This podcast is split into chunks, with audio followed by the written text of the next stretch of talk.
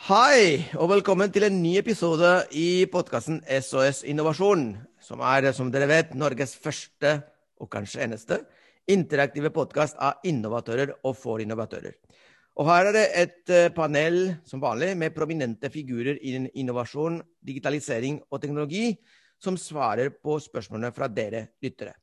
Mitt navn er Salvador Baye. Jeg er daglig leder i Intellis, rådgivning innen innovasjon og teknologiledelse, og partner for mentoring og investor relations i Agrator, inkubatoren for en renere, bedre verden. Denne gangen, og for de neste fire episodene, har vi i panelet Mario Egg Aparicio, Head of E-commerce and Product Chef og produktsjef i Vips. Hei, Mario.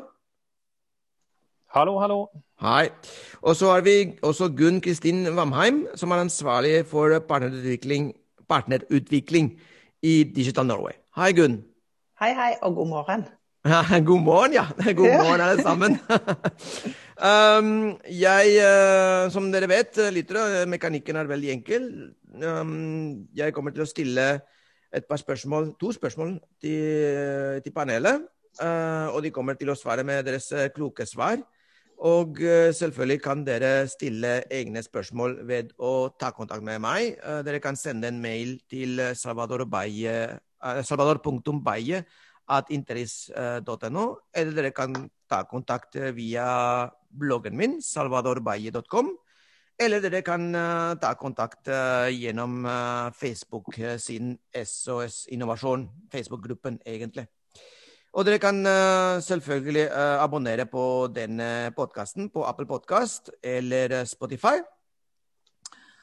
Og ja, egentlig er det bare, bare å starte. De to første spørsmålene som vi kommer til å ha i dag, er hvordan, eller de to spørsmålene vi har i dag, er hvordan kan man finne riktig partner for bedriften eh, i, en, in, et, i, et, innovasjonsprosjekt? Og spørsmål nummer to blir hvordan finne de riktige beslutningstakere i en organisasjon. Men før vi begynner med disse spørsmålene, så vil dere introdusere dere selv litt. Gunn, uh, kan du si et par ord om deg for uh, våre kjære lyttere? Ja, klart jeg kan si noen ord om meg sjøl. Jeg heter Gunn Kristin Vambein. Jeg er oppvokst i Hardanger på Vestlandet i Norge. Men har de siste 20 årene bodd og jobba her i Oslo. Så kan en lure på hva en vestlending gjør i Oslo, men det er nå hva er det? kombinasjon av kjærligheten, jobb og livet som, eh, som, gjør det. Men her er det supert å bo. Jeg tipper at det er kjærligheten som egentlig var første, første grunn, var det ikke det? Ja, nei, det er en fin kombinasjon av alt sammen. vet du. Og så er det litt av når en ikke planlegger alt, så blir ting til underveis. Ja, Utopi to me, jeg havnet her i Norge. Ja. ja, nei da, men det er fint, da, for da får en, eh, får en flere ting av, av det beste.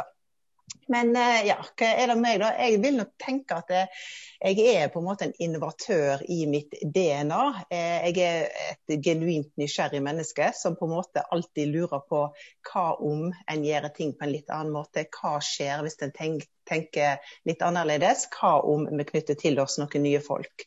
Og Da begynte jeg kanskje allerede med oppveksten min i Hardanger, da, der jeg lurte litt på hm, her er det høye fjell, her er det dype fjorder. Hva finnes bakom fjellene, hva finnes ut med kysten, hva finnes eh, på Østlandet? Som på en måte hele tida var en driver for det som jeg har eh, holdt på med. Og, og, min driver har vært mer i forhold til oppgaver og mulighetsbildet enn å holde meg eh, veldig sånn strikt til et fag og til en bransje. Eh, når det gjelder innovasjon, så har jeg erfaring med å være gründer sjøl. Jeg har testa meg som eh, entreprenør i det frie markedet. Drevet et selskap som heter Glød. Var det skummelt, eller? Nei, det var ikke skummelt. Men eh, det var jo eh, litt annerledes da enn, også, enn, å agere innad i en organisasjon. Men eh, det begynte med at jeg var en entreprenør, eller intraprenør som det heter, da, innad i en stor organisasjon og flere organisasjoner. Og kjente på litt av det mulighetsrommet, men òg hindringene som finnes i etablerte organisasjoner. Eh, og så tok jeg den kompetansen og innsikten og læringen med meg ut i det frie markedet. Eh, erfaringen var jo veldig mye at innovasjon enten mul blir muliggjort eller blir hindra mye på organisasjonskultur. Så Derfor kalte jeg mm. selskapet mitt Glød innovasjonskultur. Og så har jeg uh, nå tilbake i en etablert organisasjon med å jobbe med å hjelpe andre å lykkes med innovasjon. Og jeg har jobba mest i privat næringsliv, men jeg har òg testa meg litt inn mot det offentlige, bl.a. med å konseptuere og bidra til å etablere en næringshage i Hardanger. Ja, det var, ja, så, det, var, det var, gøy. Ja, så jeg har et stort mangfold av erfaring med meg i kofferten. Så jeg håper at jeg kan bidra litt til lytterne. Ja, vet du hva? Det, det fins en grunn hvorfor du er her i dag, eh, Gunn. Mario, hvem er du? Ja, eh, jeg heter Mario Eka Parisio. Og eh, som Gunn så er jeg heller ikke fra Oslo, der jeg bor. Jeg kommer Nei, jo fra Nord-Norge. faktisk. Og jeg er spansk. oppvokst i, eh, i, Fauske. Og pappaen min han er i samme situasjon som Salvador. Han kom til Norge fra Spania pga. kjærligheten. så, så sånn, sånn, er det. Men jeg er ikke i Oslo pga. kjærligheten, men jeg møtte kjærligheten min i Oslo, da. Så eh, ja, jeg jobba da eh, i VIPS, eh, ansvarlig for netthandelssatsinga vår. Og så har jeg jo egentlig en lang bakgrunn innenfor teknologi og, og konsulentbransjen. Så har jeg jobba med veldig mye forskjellige ting. Så jeg er sånn skikkelig potet. Med 13 år fra konsulentbransjen. Jeg gjør alt fra utvikler. Jobber mye med digitalisering, innovasjonsprosesser, eh, smidig utvikling og masse forskjellige typer bransjer og sånn så uh, blir man ganske sånn uh, får sånn bred profil og blir sånn potetaktig. da, så jeg, kan, jeg, kan, jeg, kan, jeg har vært ute en vinternatt, kan du si. og Det var jo litt artig når jeg begynte å jobbe i VIPS, og alle sammen sa at å nei, nei, betaling og sånt, det er kjempekomplisert. bare sånn, ja, ok, greit. men det gikk jo ganske fort å lære meg ting, for jeg har sett litt av hvert når du har vært 13 år i konsulentbransjen i veldig mange forskjellige bransjer, fra alt fra offentlig til, til, til retail og alt mulig. da. Så um, også ganske interessert i, i, uh, i innovasjon, da. Uh, det starta kanskje med når um, det startet virkelig når jeg tok en, en mastergrad innenfor teknologiledelse fra NTNU. Ja, jeg, leste, jeg leste masteroppgaven din. Ja, det var veldig bra. Eh, ja, du gjorde det. ja. Da hadde jeg jo bl.a. et halvt år i Silicon Valley på Stanford, hvor jeg, hvor jeg studerte der. og Da maksa jeg ut alle sånn entreprenørskipfagene de hadde der, og ble jo superinspirert. Så jeg var jo sånn glødende lampe da jeg kom tilbake til Norge. Og bestemte meg for å skrive en, en masteroppgave om intraprenørskap, da, eh, som, som, var utrolig artig å skrive, og ble jo mer, bare mer og mer interessert i det. Eh, men jeg har hele tida vært interessert i sånn lean-prosesser, spesielt sånn lean startup og de tingene der. da som, som jeg syns er veldig, veldig spennende. Um, Nå i hverdagen i VIP så er det jo um, hva skal jeg si, det er, det er, mye både en del innovasjon, men også mye inkrementelt og bare rett og slett hardt arbeid for å, for å komme seg fram i, i, i, det markedet som vi jobber i, som er ganske tøft. da. Uh, men på sida så jobber jeg mye med, med startups. da, har uh, investerer litt i startups, det er veldig spennende. og, og jeg er bl.a. med i noe som heter Pangstart Invest, som vi driver og ser på forskjellige startups fra, fra den, eh, den, inkubatoren i, eh, i Halden. Eh, ja, Smart, Smart, Innovation, Norway. Norway. Smart Innovation Norway, ja. Og så er jeg jo også mentor i det, det, programmet som Salvador er med i, det Agrator. Ja. Ja. mentor for et selskap der. Og så sitter jeg eier, eh, som eier i et selskap i Bergen som driver med lakseoppdrett, eh, teknologi og sånn. da. Så litt, litt, forskjellig, kanskje litt for mye. Nei, vet du hva, vi, vi må holde oss uh, opptatt, tror jeg. Jeg personlig syns at uh, det er en, en, en nøkkel i å ha et bra liv, er å holde seg opptatt hele tiden. Mm. Uh, det, jeg trives ikke når jeg ikke har noe å gjøre, for å si det sånn. Men uh, nå kan vi starte med de to, eller det første spørsmål, da, som uh, jeg ikke sier at det er enkelt. Ja, Gunn, skulle du si noe? Men jeg fikk jo ikke si noe om eh, hvor jeg jobber henne nå. Eh, Mario var jo så flink og så framsnakker Vips. Jeg tenker jeg må jo få lov til å framsnakke litt. Selvfølgelig. Ja, dette er min podkast, dere kan gjøre akkurat ja. som dere vil. Eh, og det var jo der jeg og du, Salvador, faktisk møttes. Eh, jeg jobber nå i et selskap som heter Digital Norway som er en helt utrolig fin eh, organisasjon. Relativt nyoppstarta. Litt sånn spørsmål startup scale-up, det er jo alltid et spørsmål. Hvor er en hen på, på livssyklusen? Men vårt mandat er at vi skal, gjøre, at vi skal være navet som får fart på digitalisering i Norge. Mm. Eh, og eh, Eh, det er jo på en måte mange aktører som jobber med digitalisering, men vi skal være litt de som utfyller og kobler de ulike aktørene. Og vi er eid av 15 store virksomheter i Norge. Er etablert i 2017. Og eh, skal på en måte gjennom eierne våre nå ut til vår målgruppe, som er de små og mellomstore bedriftene i Norge. Mm. Og Det er vel kanskje verdens bredeste målgruppe, eh, men det er jo de virksomhetene det er flest av i, i, Norge. Så hvis vi skal hjelpe dem å få fart på sin konkurransekraft, og eh, via digitalisering som verktøy, så, så har vi en stor jobb å gjøre. Men det er utrolig spennende og utrolig givende, og veldig takknemlig for bedriftene er så veldig glad for at vi eksisterer, og vi hjelper dem. Og hvis det er noe man, man, trenger her i Norge og i resten av planeten, egentlig, og er, eh, er å utnytte, kunne utnytte potensialet, potensialet i teknologi. Og det, ja. det, er kjempebra at dere gjør dette i Digital Norway. Det må jeg si. Men vår erfaring er jo bare for å skyte inn da, at eh, når det handler om digital transformasjon, så er jo på en måte kanskje teknologien det minst kompliserte. Det det handler om er jo egentlig å få med folk, og få kultur og få innsikt og læring i og hvordan en skal ta i bruk muliggjørende teknologi. Jo da. Så, ja, ikke sant? det tror jeg faktisk vi er alle tre er veldig enige i. Men du, uh, la oss gå over til, eh, til spørsmålet, spørsmål nummer én. Og det er uh, Hvordan kan man finne riktig partner for bedrifter, uh, eller for en bedrift, i, en i, et innovasjonsprosjekt? Hva er det som Hvordan kan man gå rundt og finne de riktige partnerne hvis man har et innovasjonsprosjekt og man trenger ekstra støtte?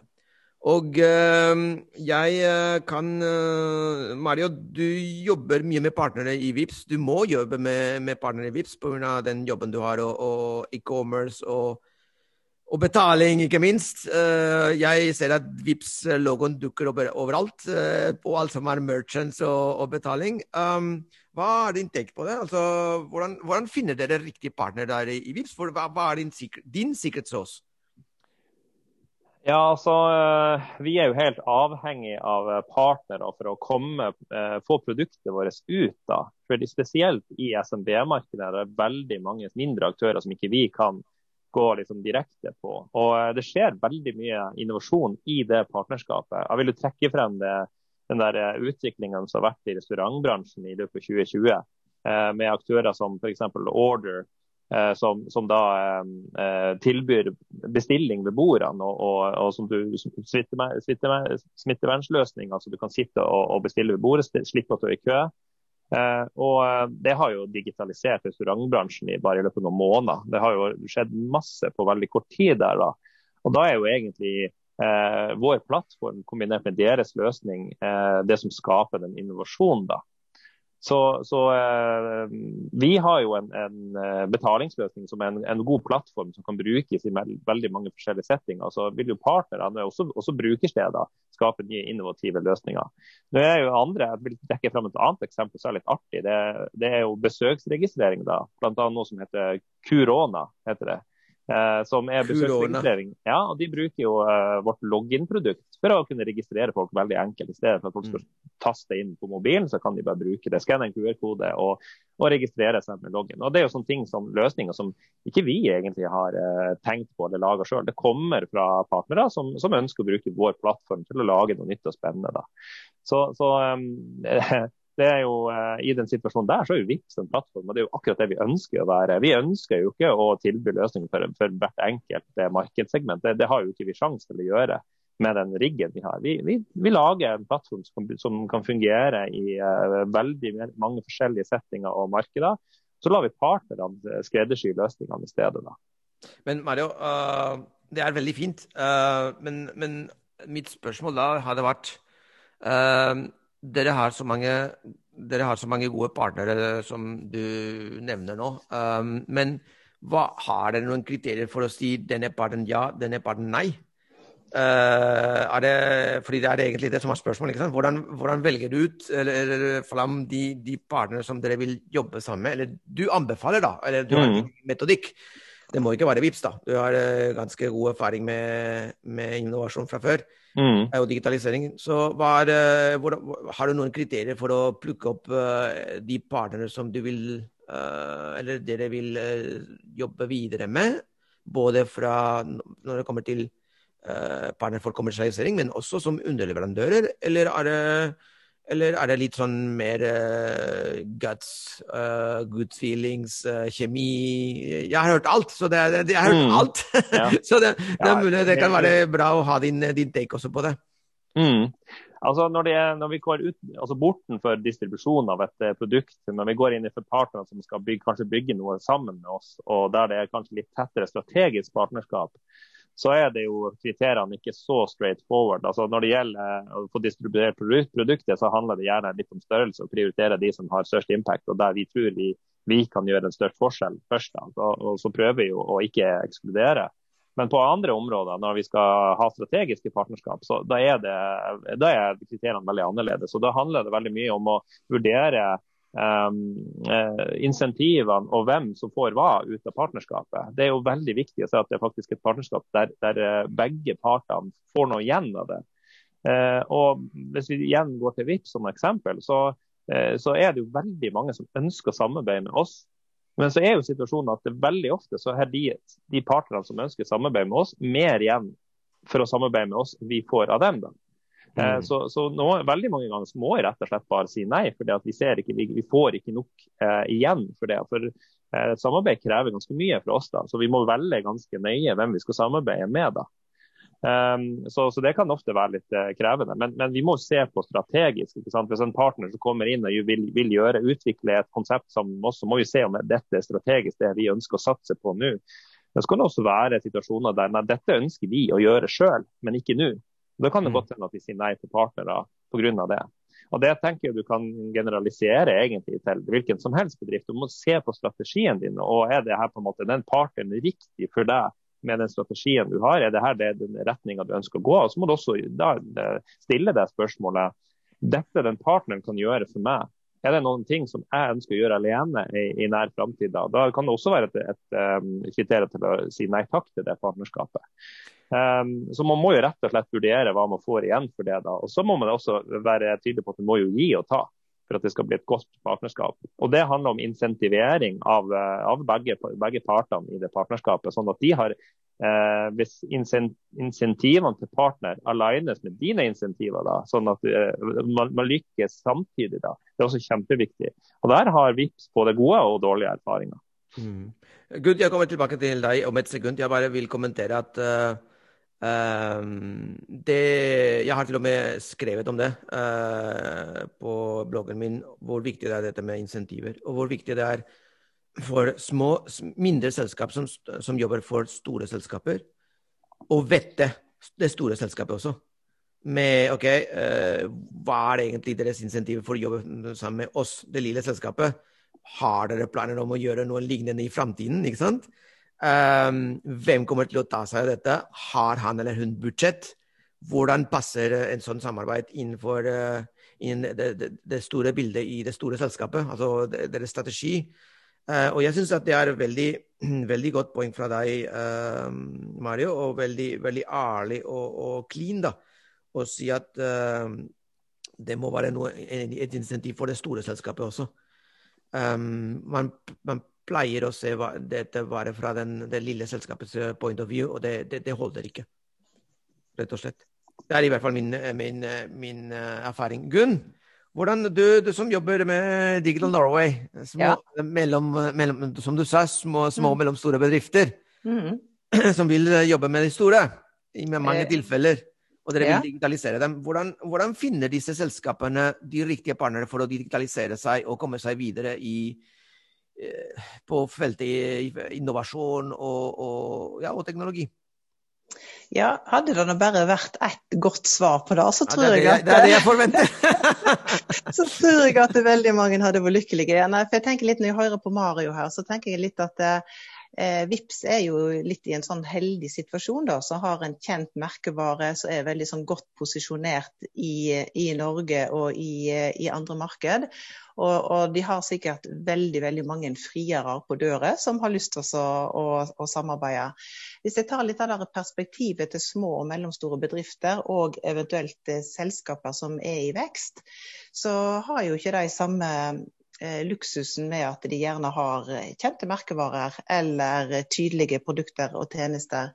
Og da tenker jeg at det, det er jo mange bedrifter som ikke nødvendigvis er lokalisert i Oslo eller på Østlandet, der de er tett i tett med andre i tilsvarende situasjon. Så jeg tenker at det, første en må gjøre, er jo gjerne å se seg litt rundt. Eh, hva bedrifter, hva nettverk er det som tilbyr komplementerende kompetanse, erfaring i forhold til det som en sjøl har lyst til å få til. Så det å koble seg til gode nettverk og skape tillit og, og skape relasjoner i gode nettverk, er jo en veldig sånn fin første take på å finne seg en partner. Ja, det, er, det, er, eh, kjempeinteressant det du sier egentlig, Gunn. Beklager ja. at jeg avbryter. Men det, det, du sier egentlig, er at uh, hvorfor, må du, hvorfor må du som et, en, et, et, uh, en, en, liten eller mellomstor bedrift, hvorfor må du nødvendigvis det, være den som vetter det store selskapet, som, som går gjennom den, den, prosessen og identifiserer, altså, identifiserer hva, det, hva, som er in it for me and for them, og hele den prosessen som Mario snakker om. Mm. Du sier at, Hvis jeg forstår deg riktig, du sier at bruk, bruk nettverkene som finnes mm. der ute. Mm. Som har den erfaring fra før, som har eh, som, som der, der uh, the level of trust yeah. mellom medlemmene allerede er der.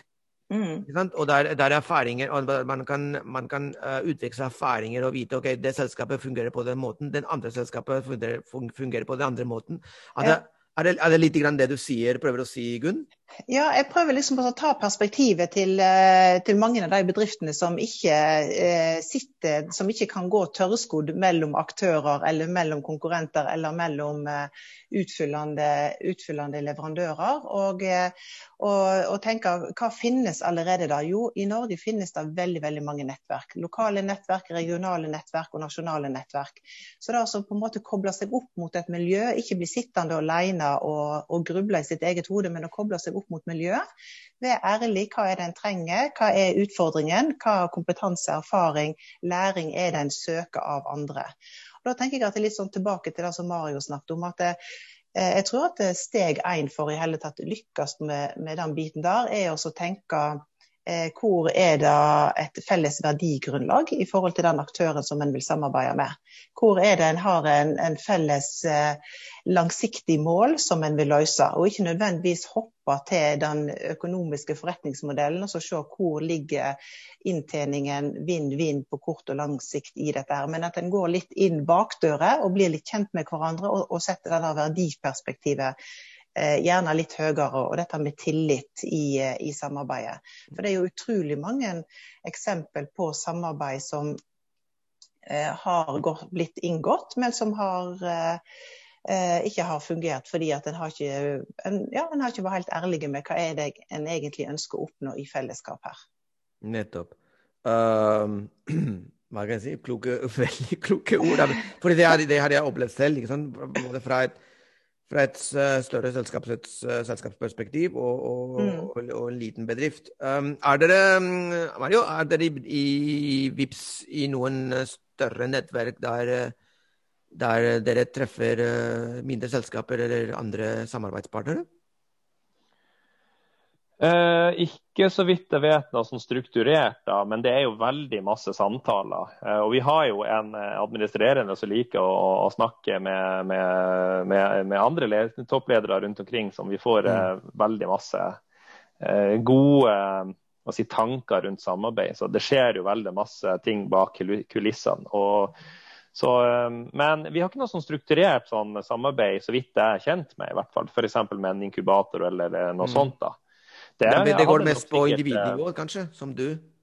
Ja, mer individnivå også med kontaktnett eh, på de som jobber i, eh, i VIPS. da. Mm. Men, eh, men, det er sikkert det kunne vært interessant å knytte seg til, til det. Men, jeg oppfordrer nå, på, på bakgrunn av det, så oppfører jeg uh, toppledelsen i VIPS til å, til å vurdere muligheten til å innføre VIPS i, i, noen mer formelle, formelle nettverk. Jeg, og det sier jeg fordi jeg, jeg, har vært medlem av dem. Jeg er medlem av flere. Og det, hvis du vil at det skal fungere for deg, så fungerer det for deg. rett og slett. Mm. Det, men det skal være en innsats. Ja, og vår, og vår, læring er jo veldig mye at dette her med, altså klart Små og mellomstore bedrifter de er jo veldig pressa på tid, pressa på kostnader. Ja. altså De har ikke så mye ressurser tilgjengelig som store bedrifter gjerne har. Så da er det med oss ved, ved i et nettverk eh, av tillit og raushet, for å si det sånn, eh, der en på en måte òg parallelt med å drive running eller Unnskyld, skal jeg ikke snakke engelsk, men parallelt, nei, jeg er, jeg er veldig tilhenger av at en skal bruke norske ja, okay. ord. Ja, det er bra. Drift, drift ja, og det har jo noe med at var, vi snakker jo til små og mellomstore bedrifter. Eh, og, eh, så da å på en måte klare å få til den der balansen mellom å ta vare på den løpende forretningen, morgendagens inntjening, morgendagens levering, samtidig som at en skal henge med på hva er det som skjer i, i nærmiljøet, i fjernmiljøet, i verdenssamfunnet, som på en måte driver utviklingen i min bransje og, og i mitt fagområde. Eh, det er, det er, veldig krevende for en for mindre bedrifter å klare å ha de der to parallelle tankene i hodet. Eh, og Da er det jo dette med nettverk som kan være en veldig stor bidragsyter til å, å hjelpe en av gårde på veien. Og Det finnes jo mange fysiske nettverk rundt omkring. Og, men vi i Digital Norway vi jobber med å etablere et digitalt nettverk for mm. å koble kompetanse av folk som kan bidra, og folk som har undringer og som ønsker hjelp til å komme seg videre. Ja, veldig bra. Mm. Um, og før vi, ha. Og før vi går uh, over til neste spørsmål, som er uh, hvordan å finne de riktige beslutningstakere i, i, en organisasjon som man vil samarbeide med, f.eks., som er også et veldig krevende spørsmål, så vil jeg minne lytterne uh, om at hvis du vil vite mer om disse temaene, eller du opplever en konkret problemstilling rundt innovasjon, teknologi og entreprenørskap, som du vil diskutere med meg, Salvador Baye, så kan du alltid ta kontakt på salvadorbaye.com. Um, lenken finner du i podkastbeskrivelsen eller på sosiale medier når jeg publiserer dette. Og uh, selvfølgelig husk å, husk å, komme med deres egne spørsmål uh, som panelet kan besvare. La oss gå over til spørsmål nummer to, som sagt. Og det var hvordan finne de riktige beslutningstakere i en organisasjon. Det er, det er, litt forbundet med den første spørsmålet, ikke sant? hvordan å finne riktig partner. Men nå går vi et steg videre og sier OK, du har funnet uh, riktig partner. Um, hvordan identifiserer du beslutningstakeren som kan hjelpe deg, virkelig vil hjelpe deg, og ikke bare prater? fordi det har jeg også opplevd. Um, Gunn, vi kan kanskje starte med deg. Uh, fordi det, det, det, nettverket du representerer, uh, jeg, er sikker på at det, det, altså, suksessen avhenger ikke bare av hvilke selskaper dere har, men også i nettverket, men hvilke mennesker som dere har i, i nettverket. Så ja, hvordan, hvordan, hvordan, hva ville du anbefale? Hvordan man kan finne akkurat den beslutningstakeren man er ute etter? Nei, altså jeg tenker at eh, Når det gjelder eh, å finne riktig person, så handler det vel om å finne ildsjelen. Altså den som har et ønske, den som vil, den som ser et perspektiv litt sånn utover seg sjøl og ser et mulighetsbilde i, i, et samarbeid som kanskje ikke har vært et opplagt samarbeid tidligere. Så Det er vel det som på en måte er innovasjonens store mulighet, men òg hindringer. Dette her med å komme ut av sitt eget perspektiv i forhold til sitt eget fag eller sin egen bransje eller sin egen sektor. Dette her med, også, eh, dette med mulighetsbilde i, i samarbeid på tvers. da.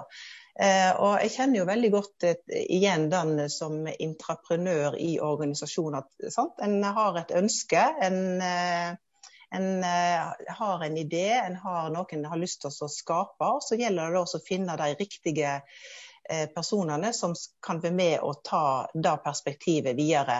Og da tenker jeg at Det er jo litt avhengig av hvor størrelsen på organisasjoner, men det en kanskje først og fremst bør være klar over, at det er jo noen som er formelle beslutningstakere, og så er det noen som er uformelle beslutningstakere. Mm. Så en eh, bare da også eh, finne ut av hvem både de uformelle og formelle er, er jo ganske vesentlig. fordi at eh, den uformelle kan jo være den som hjelper deg på veien videre mm. til den formelle. Eh, så, eh, så, det er jo eh, ja, ganske, ganske, vesentlig. Og at det er ikke nødvendigvis tittel og plassering på et organisasjonskart som er, er det en umiddelbart skal, skal, gå etter. Jeg er helt enig med deg, og, og ildsjelene er, kjempeviktige. kjempeviktig. Um, mm. Jeg, jeg syns at når du, har, når du, er foran en som sier er hm, sier er en beslutningstaker. Mm. Det første du må, du må tenke, ok, altså alt under executive vice president er en kanskje, etter min mening, ikke sant? Mm. Um, og så må man Jeg syns man, man, må være litt brutal også, og, og, også som et lite selskap, og spørre um, det, hvem har budsjettet for dette her? Mm. Hvilken avdeling? Er det du som har budsjettet? Er det noen andre? Hvis det er noen andre, hvorfor er, det, er vedkommende ikke, på, ikke, ikke, til stede? Mm. Og det er veldig mulig at svaret er nei, fordi først må dette gå gjennom meg. Det er mm. først, og, og, det er det, og jeg, jeg som har den den, det, det, det, behovet. Det er jeg som ser, eh, som ser, muligheten, og det er jeg som er ildsjelen. Og det kan, det kan, være et uh, veldig Det kan være et spørsmål å svare som egentlig åpner for tilliten ikke sant? mellom partnere. Ja. Og så må han jo i, på en måte være helt sånn klokkeklar da, på hva er det en skal levere. Sant? Hvem til, altså hva behov er det en skal dekke, enten hvis det er hos en kunde i det kommersielle markedet eller hos en bruker i, i type offentlige, offentlige, tjenester. Og hva problem er det som skal løses, og hvordan mm. løser en det problemet. Sant? Så det der, en må bare være så utrolig spissa på budskapet sitt. Da. Eh, og da er det jo mye lettere å orientere seg på de formelle og de uformelle beslutningstakerne. Eh, og så tenker jeg også, en ting er Hvis du på en måte skal selge deg inn til riktig beslutningstaker i en stor organisasjon, da er det jo ofte litt eh, ja, eh, en, en, mer formell vei å gå. Men jeg har jo veldig god erfaring med å begynne med å være litt sånn søkende og nysgjerrig og mm. ærlig. Jeg, jeg har jo ofte god erfaring med å ta kontakt med resepsjonen, sentralbordet, sier du vet hva jeg er på jakt etter. Hvem er det du tror kan, kan guide, meg, guide, meg, videre? For altså, Der sitter det jo utrolig masse innsikt på både folk og kompetanse og egenskaper. Eh, for det kan jo være en beslutningstaker som formelt sett er riktig person, men som kanskje ikke har innsikten eller villigheten eller nysgjerrigheten nok til å gå i dialog med noe som kommer litt utenfra. Enig. Uh, Mario, Um, ja. Du jobber i et veldig stort selskap, eller hva stort selskap vet jeg ikke, men i hvert fall veldig viktig, veldig, veldig ja. viktig selskap. Ja, vel, det er veldig sånn mediumstort. I, mediumstor, veldig corporate, veldig corporate og allikevel innovativ. Det er veldig, veldig bra, det der. Men uh, hvis noen vil uh, Hvis jeg er en, uh, et, en startup, la oss si det sånn altså hardcore startup, og jeg vil, og jeg vil finne riktig Og jeg vil finne deg men jeg vet ikke hvem du er, eller hva du gjør. um, hva, hva, hva, skal jeg gjøre, da? Hvordan, hvordan altså, hadde du, Hvis du hadde vært meg, hvordan hadde du approacha prosessen? Ja, um, Jeg vil i hvert fall fortelle hva du ikke skal gjøre. Og uh, Det er ikke å prøve å ringe CEO og be, be, han om å tvinge på oss et partnerskap, eller noe sånt, for det har skjedd. Um, og uh, på en måte, Det skjer jo ikke, fordi han stoler jo på, på oss og våre vurderinger. så det er jo eh, det er mange som bruker kontaktnettverket sitt høyt oppe i organisasjonen vår for å prøve å liksom, få til et eller annet. Og, um, det er kanskje en god måte å få ting opp på radaren, men det, det, gikk det. det er ikke noe sure thing, det, for å si det sånn. Um, og så er det jo selvfølgelig veldig mange som bruker LinkedIn. og, og Bare du sier head og et eller annet, så kommer det jo bare drøss med sånn LinkedIn-forespørsmål om alt mulig slags nearshoring og outsourcing som skal, som skal hjelpe deg med ditt og datt. Eh, men, eh, men, jeg syns veldig mye av det Gunn sa var, var, var veldig bra. Um, og, og ja, få kontakt med meg, det sånn ja, det beste er å bruke, bruke nettverk. Hvis det kommer gjennom noen jeg kjenner da, sant, som har allerede gjort en vurdering av hvem disse er, og sånn, det er jo selvfølgelig en fordel. da. Eller hvis man har gjort forretning gjort business, før, da, at det er allerede kanskje det er en kunde eller det er allerede kanskje bare en ren kommersiell partner som ønsker å gjøre noe annet. Det er jo selvfølgelig en kjempestor fordel. da. Eh, men, eh, men, det er jo ikke bare meg som er beslutningstaker eh, her. Da. Jo, vi jobber jo i team, og, og selv om at du kanskje har en toppleder som har et, et, det endelige beslutningsansvaret hvis det er noen store finansielle eller økonomiske forpliktelser, så er det jo et team av folk som, som faktisk eh, kommer med anbefalinger først. og De, de anbefalingene følges jo stort sett av, av lederne. Hvis vi sier at det her, er det vi, det her er det vi går god for, det her er det vi ønsker å gjøre, så, så blir det ofte sånn. da. Um, og Det synes jeg er et veldig sunnhetstegn hos oss, at uh, vi som er ekspertene, som sitter nede i grøten og, og faktisk uh, kan gjøre den beste vurdering og få liksom, the final saying om hvordan vi skal samarbeide. og sånn da Og så må jo selvfølgelig vi argumentere for hvorfor det skal være bra for selskapet. Um, uh, og Det er derfor det er, det er, vanskelig å vite hvor du skal gå, spesielt i privat sektor. Uh, når det, det, formelle og det uformelle flyter litt sammen. og uh, Vips og veldig mange si moderne private bedrifter er ikke sånn type command and control, at sjefen sier dette skal vi gjøre. Du kan jo ikke drive produktutvikling på den måten. Du må jo ha de som faktisk kjenner fagene sitt på, på kundeinnsikten, få lov til å velge hvordan vi skal utvikle produktene videre og, og hvilke fornuftige partnere. Så, så det, det, er, det, er, veldig vanskelig eh, svar der. Men, men som Gunn sier, så finne heiagjengen, da. Hvem, liksom, hvem, har du kjemi på? Hvem som brenner for det, det, samme som du gjør? Og i hvert fall Hvis du skal finne beslutningstakere i din egen organisasjon, finn hvem som kan være sponsorene dine. Hvem som har kjemi som er positive og som kan hjelpe deg å oppnå det du vil. Og Det samme kan du gjøre når du ikke er din egen, egen organisasjon. Du finner jo stort ut av det hvis det kommer et møte, hvem som på en måte du har kjemi med, og hvem som på en måte brenner for, det, mm. for ideen og brenner for det, det prosjektet, og hvem som kanskje er litt mer likegyldig. Da. Og så bruker de, bruker, Lag den heiagjengen. Det, det, det, det, tror jeg er veldig viktig generelt. For å finne heiagjengen du kan lage som kan hjelpe deg å oppnå målet ditt. Da. Mm, ok. Uh, bra. Det, det, er også litt Jeg vet ikke, jeg har hørt uh, Da jeg jobbet i et stort uh, Jeg kan si hva det var. Da jeg jobbet i Telenor så, og jobbet i Telenor New Business vi de er enig med deg, Mario, fordi det kom noen caser noen ganger uh, bare fordi noen kjente den som den gangen var styreformann mm. i mm. Telenor. Uh, og det kom til oss.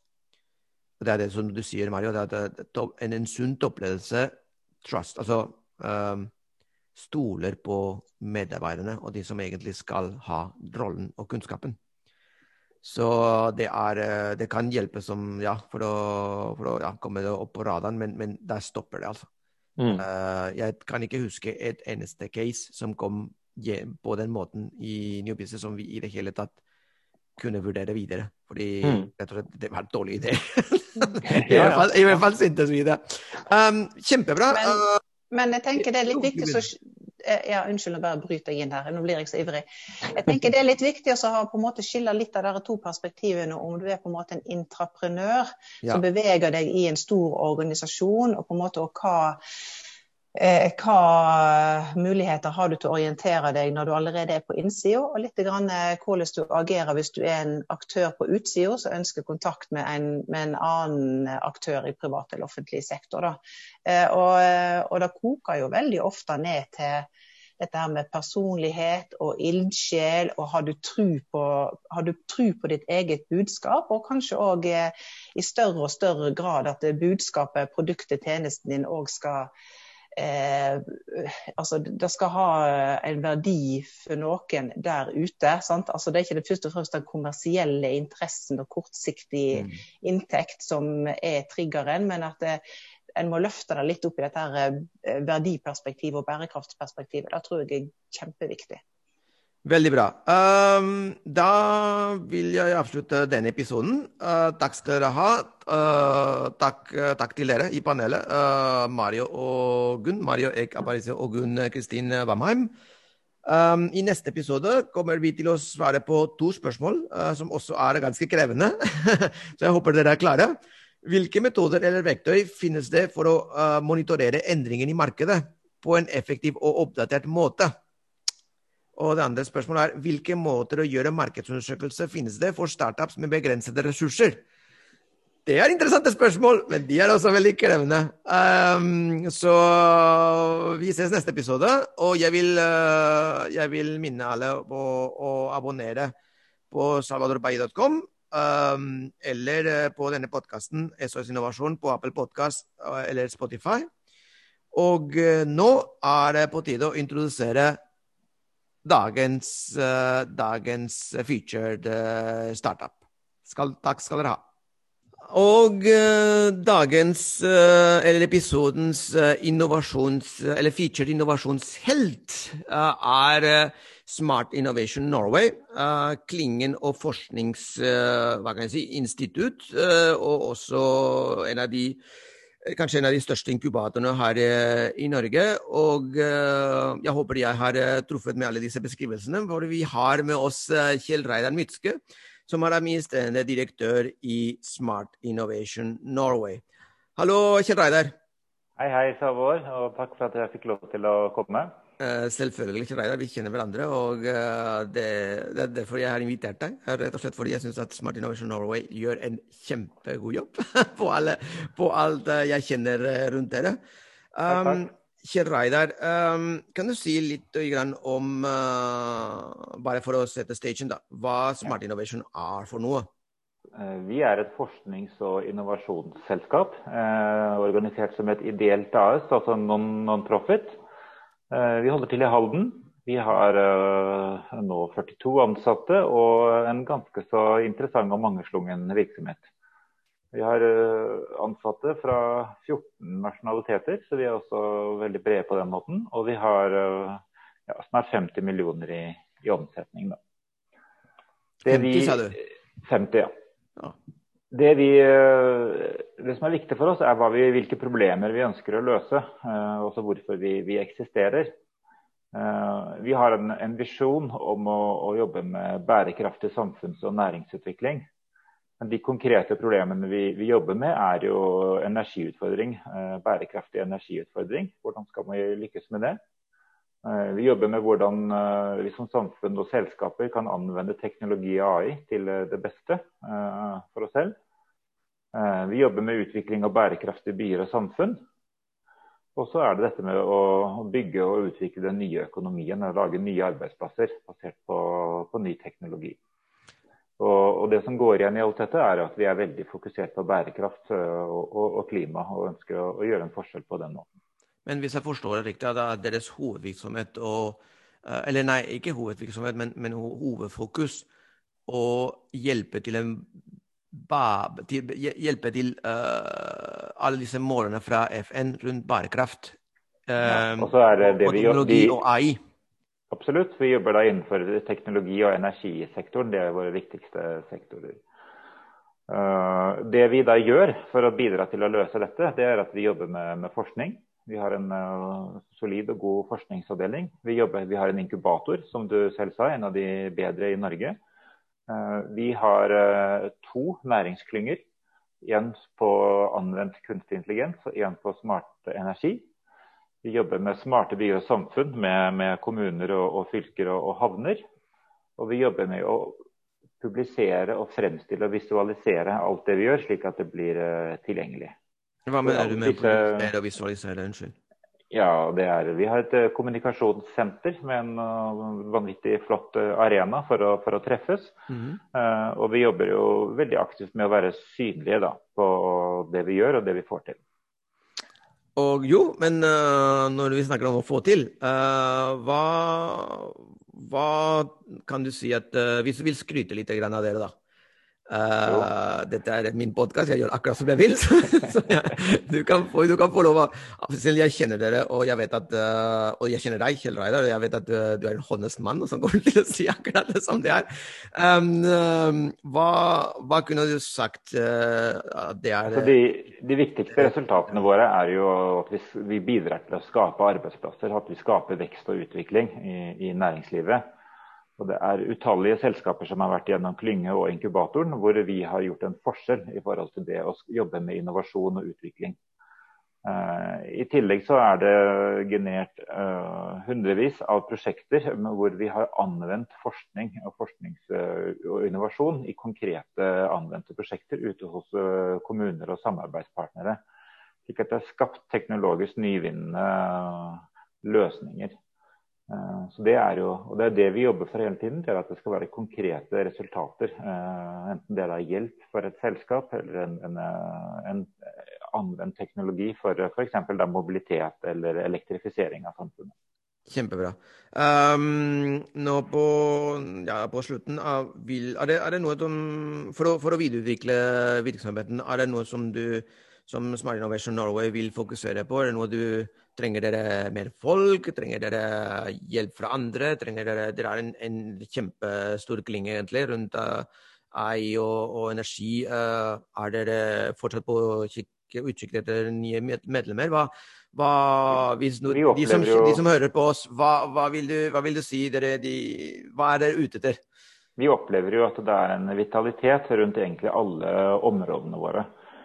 Vi driver med mer forskning, både i EU-prosjekter og norske prosjekter, enn noensinne. Vi vi vokser i inkubatoren og ser etter gode selskaper som eh, kan ta en, eh, en, en plass der. Og ikke bare de som er i tidlig fase, vi jobber også med, med scale-ups. Vi jobber med å etablere et fond, og vi jobber med å samarbeide med investorer. Den typen samarbeidspartnere er vi selvfølgelig på utkikk etter. Uh, og I begge klyngene våre så er det muligheter for uh, næringslivspartnere. vil jeg si. For uh, Det er jo veldig spennende det som skjer i klyngen for kunstig intelligens. Hvordan skal vi anvende det til det beste og for å utvikle og jobbe med innovasjon. og likeså på energisiden. Energi er jo kanskje det viktigste området for å nå klimamålene. og det er på en måte I skjæringspunktet mellom disse klyngene, med teknologi og energi, så er det masse norske selskaper som hadde hatt nytte av å jobbe tettere med, med oss.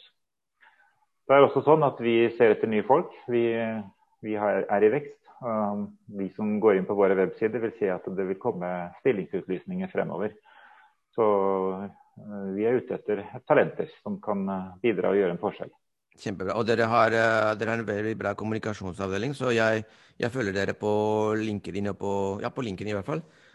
Så jeg anbefaler alle som hører oss, å, å følge med på, deres, på sosiale medier på um, Smart Innovation Norway og, uh, og deres uh, kunngjøringer, for å si sånn. For det er alltid interessant. Ikke bare, at, uh, ikke bare når dere leter kanskje etter nye folk, men også fordi alt dere publiserer har en relevans for, for utviklinga av AI, energi og bærekraft her i mm. Norge.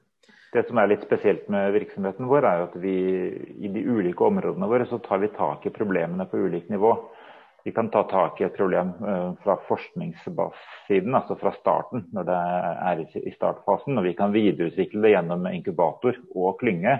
Og vi kan jobbe med at det blir tatt i bruk i en kommune eller i, en, en, uh, i, i næringslivet. Så sånn sett så kan vi følge uh, utviklingen da, og løsningen fra problem til kommersiell anvendelse. Det er spennende. Kjempebra. Tusen takk, eh, Kjell Reidar, for eh, disse minuttene. Kjempespennende. Smart Innovation Norway er en av de, et av de beste miljøene i Norge når det kommer til eh, forskning, innovasjon, foreningsutvikling i næringslivet og bærekraft. Tusen takk for denne gangen, og vi høres og ses. takk for nå, Tavor. Det var hyggelig. Ha det. Ha det.